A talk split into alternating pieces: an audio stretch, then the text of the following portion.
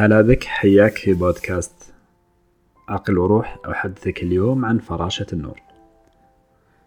حاولت الاقتراب بشيء من التوجس والحذر كما تفعل الفراشات الأسطورية دائما.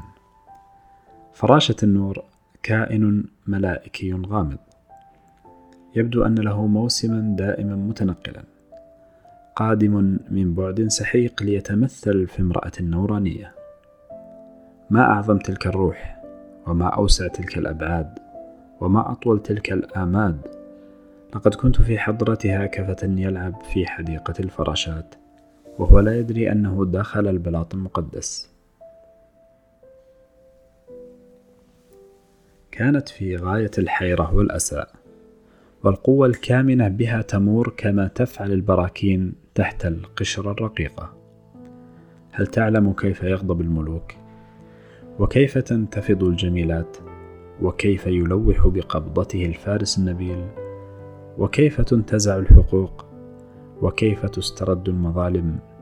لقد كانت كل تلك الجمل تمثيلا قائما في مخلوق عظيم.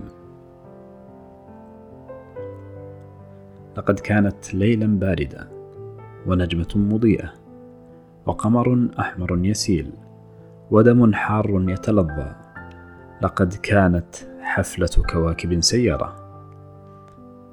ما أبهى ذلك النهر الملتوي النهر الثري النهر المتدفق نحو صخور الأبدية. إنه يتشكل كألوان قوس قزح ويمتعض كهيكل هائل ويأخذ كل الأشكال ليمثل الحياة الخالدة.